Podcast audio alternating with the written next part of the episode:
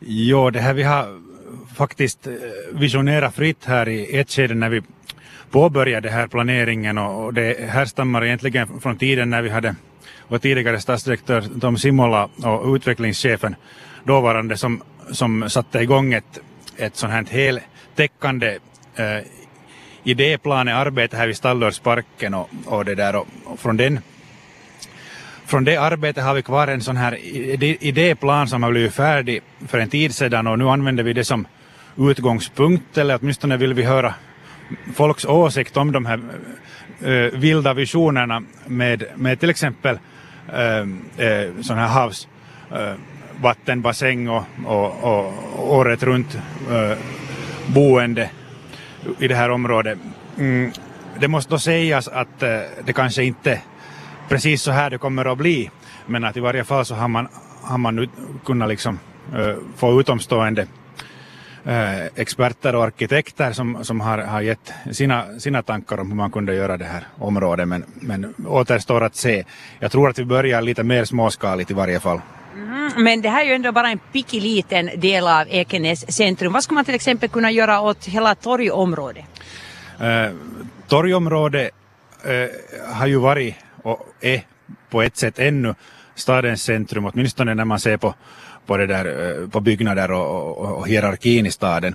Eh, sen vet vi att, att det här människors köpbeteende och, och konsum, konsumtion har ändrat, att man kanske har flyttat det lite längre närmare mot järnvägsstationen för tillfället.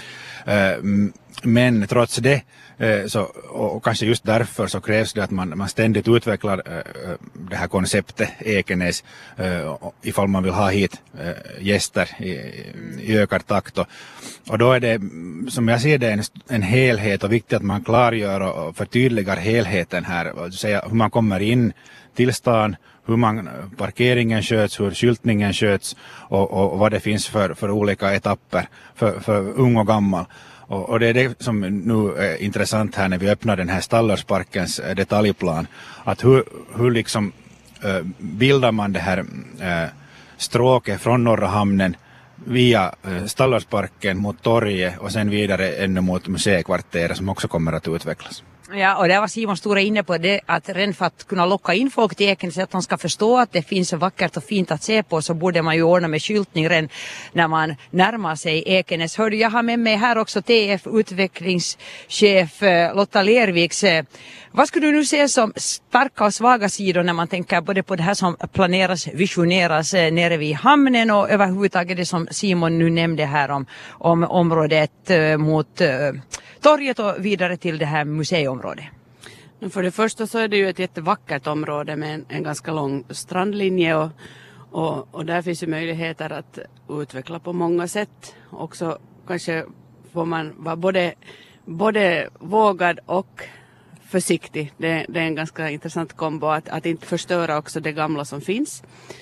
Och sen eh, i och med det här nya museet som kommer bredvid Ekta så så där ser jag en, en stark koppling till turistbussar till exempel. Också Alvar Aalto-nätverket med våra Aalto-byggnader kommer också att locka människor. Och, och vi har också annan intressant arkitektur här som jag tycker att vi borde föra fram bättre. No, ganska långt eh, så har det ju här spekulerats kring det här eh, köpcentret eh, som skulle komma till Norra hamnen. Det bidde inget av det så handlar det om att göra området attraktivt nu minus det här köpcentret Simon Store? Uh, no, planen för köpcentret är ju i laga kraft så att man vet ju inte i denna dag att kommer det i vilken form.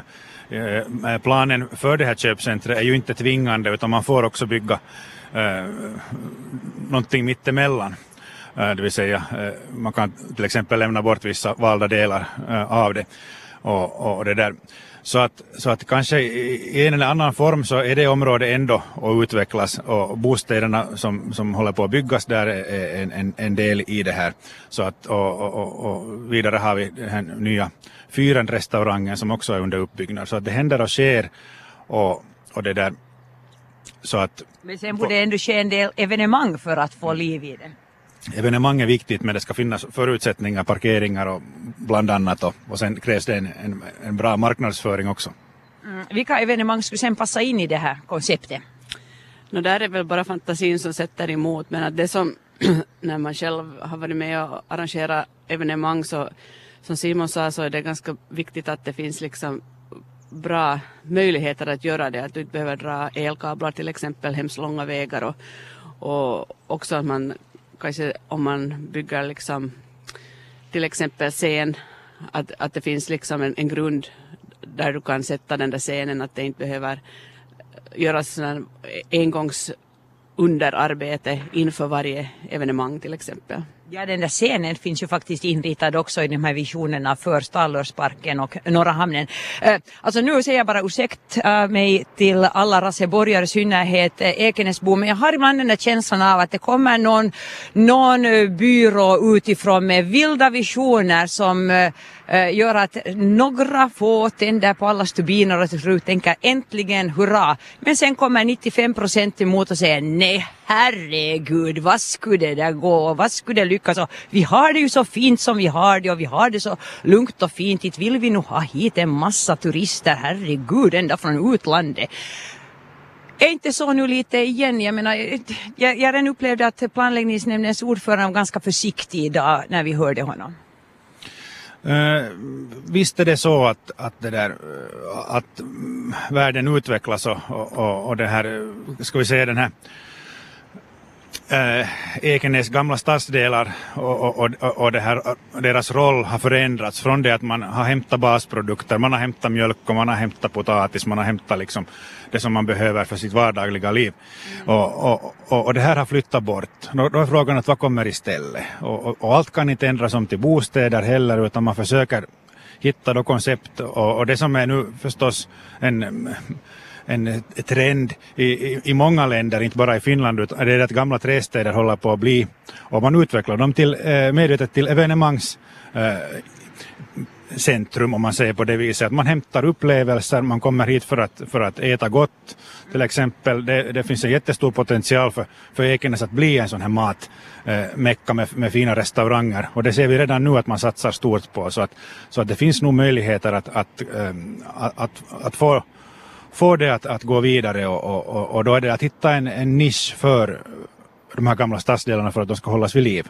Ser du också Lotta Lerviks just på det här med eh, framtiden och att eh, utveckling framåt och eh, vilda visioner som faktiskt kan eh, förverkligas?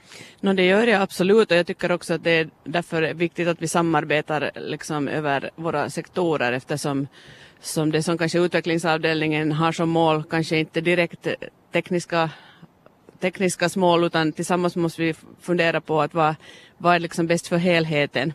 Och, och också det att man har planerat ett område tillsammans så då, då kan man liksom föra sakerna vidare tillsammans.